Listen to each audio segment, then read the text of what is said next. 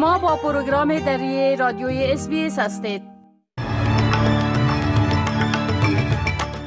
با عرض سلام ما صاحب شکیب شما را به شنیدن مهمترین اخبار امروز 27 ماه سپتامبر سال 2023 دعوت می کنم. صدر اعظم از تقویت وضعیت حمایت از پیشنهاد برای تأسیس صدای بومی ها در پارلمان سخن گفته است. سازمان ملل متحد نشسته را در مورد وضعیت زنان در افغانستان تحت عنوان مبارزه با اپارتایت جنسیتی برگزار کرده است. کمیسیون حقوق بشر ملل متحد قانون جدید در مورد لباس پوشی زنان در ایران را مورد انتقاد شدید قرار داده است.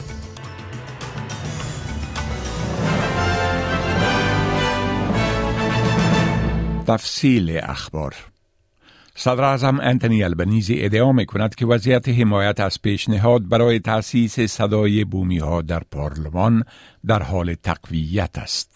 در نظرسنجی اخیر قبل از برگزاری این رفرندوم به تاریخ 14 اکتبر شماره حامیان رأی مخالف در جلو قرار داشت اما آقای البنیزی از استرالیایی هایی که ممکن برای منفی متمایل باشند می خواهد در مورد این مسئله تجدید نظر کنند. او به اظهارات خواننده استرالیایی کمال در مورد تغییر نظرش در روزهای اخیر اشاره کرده و گفت که استرالیایی های دیگر هم می توانند به همین گونه از صدای بومیان حمایت کنند. در این حال پیتر داتن رهبر اپوزیسیون که از مخالفین صدای بومیان در پارلمان است می‌گوید که مخالفت با این صدا ناشی از نجات پرستینه بلکه عدم معلومات درباره این پیشنهاد می باشد. او در جلسه شورای ایالتی حزب لیبرال ویکتوریا صدر اعظم انتونی البنیزی را به پنهان کردن قصدی معلومات مربوط به پیشنهاد برای ایجاد صدای بومیان در پارلمان متهم کرد. کمال آوازخان مشهور استرالیایی و ام سی همر رپخان امریکایی آخرین چهره های سرشناس ان که حمایت خود را از تأسیس صدای بومی ها در پارلمان اعلان کردند. کمال می گوید اخیرا نظر خود را در مورد صدای بومیان تغییر داده و از آن حمایت خواهد کرد. در حالی که ام سی همر از طریق شبکه اجتماعی X که قبلا توییتر نامیده می شد اعلام کرده که فکر می کند که رأی بله پل بین استرالیایی ها را ترمیم خواهد کرد. کامال قبلا از رأی مخالف یا حمایت می کرد اما می گوید که پس از به گفته او شبهای پر از بیخوابی و گفتگوها با کمیدیان بومی دین سیمپسون و وکیل قانون اساسی اری سینوت اینک تصمیم گرفته که رأی مثبت خواهد داد. Having a chance of one on one gives you a deeper understanding. You get it from the horse's mouth. And uh, so, two great horses and great mouths.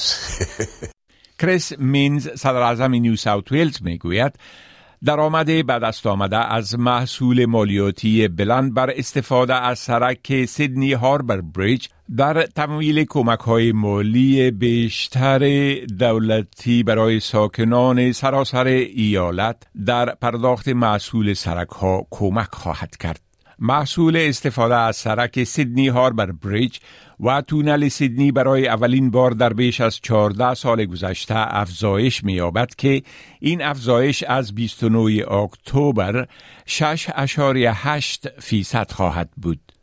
نرخ استفاده از این پل در ساعات بسیار مزدهم روزهای هفته بین شش و نیم تا نو و نیم صبح و چهار تا هفته بعد از ظهر از چهار دلار به چهار دلار و بیست و هفت سنت افزایش خواهد یافت. نرخ استفاده در اوقات غیر مزدهم روز از سه دلار به سه دلار و بیست سنت و در شب از دو نیم دلار به دو دلار و شست و هفت سنت بلند خواهد رفت. تمام درآمد اضافی از این ناحیه صرف تمویل بسته بودجوی امدادی حکومت برای کمک با استفاده کننده ها از سرک های با محصول خواهد شد که به اساس آن مقدار پرداخت محصول سرک ها برای در حدود 720 هزار راننده به حد اکثر 60 دلار در یک هفته محدود می گردد. کریس مینز به سکای نیوز گفت که این افزایش با در نظر داشته افزایش شدید محصول در غرب سیدنی منصفانه می باشد. But it hasn't been lifted, as you said, since 2009. To put that in perspective, a trip from Campbelltown to the city has gone from $12 to $34 return. A trip over the uh, harbour bridge has gone from $4 to $4. So there needed to be some fairness between those that live in the east and the west, and any money we raise will go back into toll relief. تخمین زده می شود که رانندگان در نواحی با سرک های دارای محصول با استفاده از این بسته امدادی محصول سرک های حکومتی ایالتی به طور متوسط تا 540 دلار در یک سال صرفه‌جویی خواهند کرد. پنی وانگ وزیر امور خارجه استرالیا می گوید که روسیه با تهاجم خود به اوکراین هر روز با سرپیچی از منشور سازمان ملل متحد این سازمان را تمسخر می کند. خانم وانگ امروز در مجمع عمومی سازمان ملل متحد سخنرانی کرده و گفت که حمایت از اوکراین برای مقابله با تجاوزات دولتی بر کشورهای دیگر بسیار مهم است. او می‌گوید که روسیه از قدرت خود به حیث یک عضو دائمی شورای امنیت سازمان ملل متحد برای ادامه جنگ با نظارت و پاسخگویی محدود سوء استفاده می کند. With its special responsibility as a permanent member of the Security Council, Russia mocks the United Nations every day. It continues its illegal and immoral invasion of Ukraine. Just as Russia mocks the international community with its cynical games on food security that leave millions hungry, promising grain to vulnerable nations, yet at the same time destroying Ukrainian grain silos along the Black Sea coast. خانم وانگ همچنان از سخنرانی خود برای تأکید بر ضرورت به صلح و ثبات در منطقه هندو پسیفیک استفاده کرد. سازمان ملل متحد نشستی را در مورد وضعیت زنان در افغانستان تحت عنوان مبارزه با آپارتاید جنسیتی با شرکت نمایندگان کشورهای مختلف و سازمانهای بین المللی حقوق بشر برگزار کرده است. سازمان ملل متحد برای بار اول در مورد وضعیت زنان و دختران در افغانستان رسما اصطلاح آپارتاید جنسیتی را به کار برده است. طبق یک گزارش بی بی سی قرار بود در این نشست سازماندهی شده به همکاری نمایندگی دائمی افغانستان در سازمان ملل متحد و نمایندگان کشورهای افریقای جنوبی مالتا و جمهوری دومینیکا راجع به وضعیت زنان در افغانستان تحت حاکمیت طالبان بحث و مذاکره شود. موضوع محدودیت های حقوق زنان و دختران در افغانستان این هفته در مرکز چندین نشست ملل متحد قرار داشت و گفته می شود که هفته آینده در نشست مجمع عمومی ملل متحد هم در مورد مسائل مربوط به این محدودیت ها صحبت ها خواهد شد. قبل از این وزرای خارجه دوازده کشور اروپایی در بیانیه در مورد به گفته آنها تبعیض سیستماتیک طالبان علیه زنان ابراز نگرانی کردند. کمیسیون حقوق بشر ملل متحد قانون جدید در مورد لباس پوشی زنان در ایران را مورد انتقاد شدید قرار داده و لغو آن را تقاضا کرده است. این قانون جدید حجاب که از جانب پارلمان ایران تصویب شده میاد زندان و جریمه نقدی را برای زنان افزایش داده که از قوانین سختگیرانه اسلامی در مورد پوشیدن چادر و لباس سرپیچی می کنند. راوینا شمداسانی سخنگوی کمیسیون عالی حقوق بشر ملل متحد گفته که این قانون تحت عنوان لایحه حمایت از خانواده و ترویج فرهنگ افت و حجاب نه تنها سرکوبگر بلکه تحقیرآمیز هم می باشد.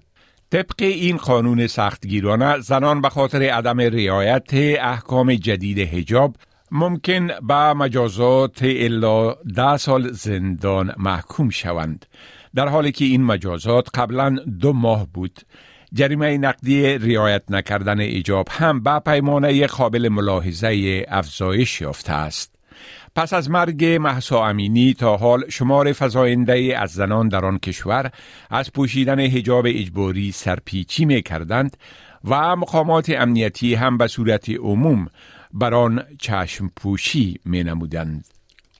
کاکای سیک جدایی طلب کشته شده عامل بحران دیپلماتیک جاری بین هند و کانادا موضع جستین ترودو صدراعظم کانادا را ستوده است. هردیپ سینگ نجار در 18 جون در خارج از معبد سیک ها در ونکوور به ضرب گلوله کشته شد.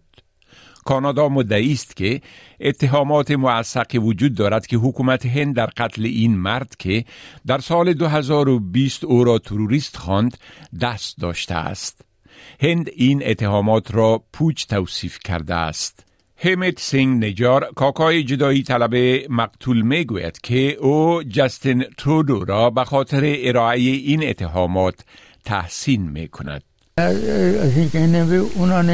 We think it was very brave of Trudeau. For the sake of one ordinary person, he did not need to take such a huge risk on his government. Our Indian government would never do that, no matter what.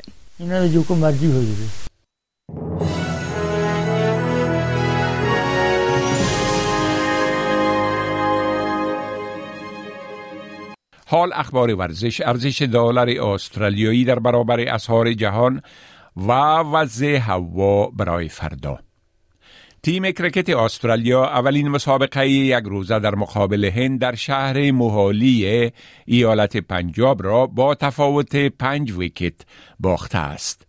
استرالیا اول توبزنی کرد و صرف 276 دوش را تکمیل نمود و هند توانست با از دست دادن پنج بازیکن از این شمار فراتر برود.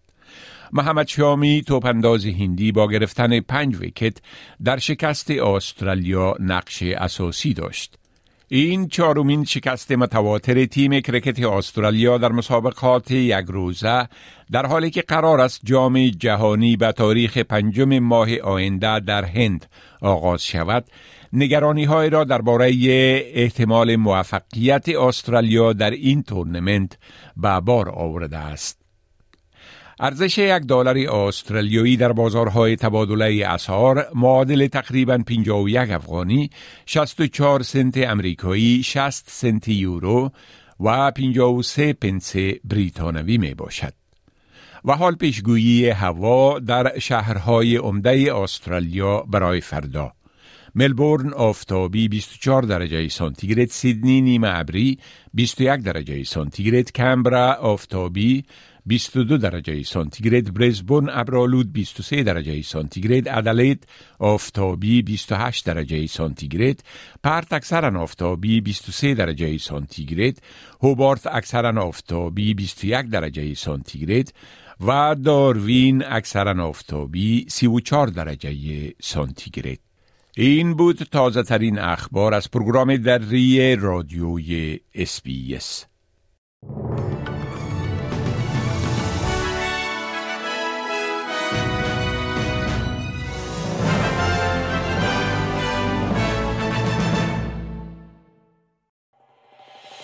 می‌خواهید این گونه گزارش ها را بیشتر بشنوید؟ به این گزارشات از طریق Apple Podcast، Google Podcast، Spotify و یا هر جایی که پادکاستتان را می گیرید گوش دهید.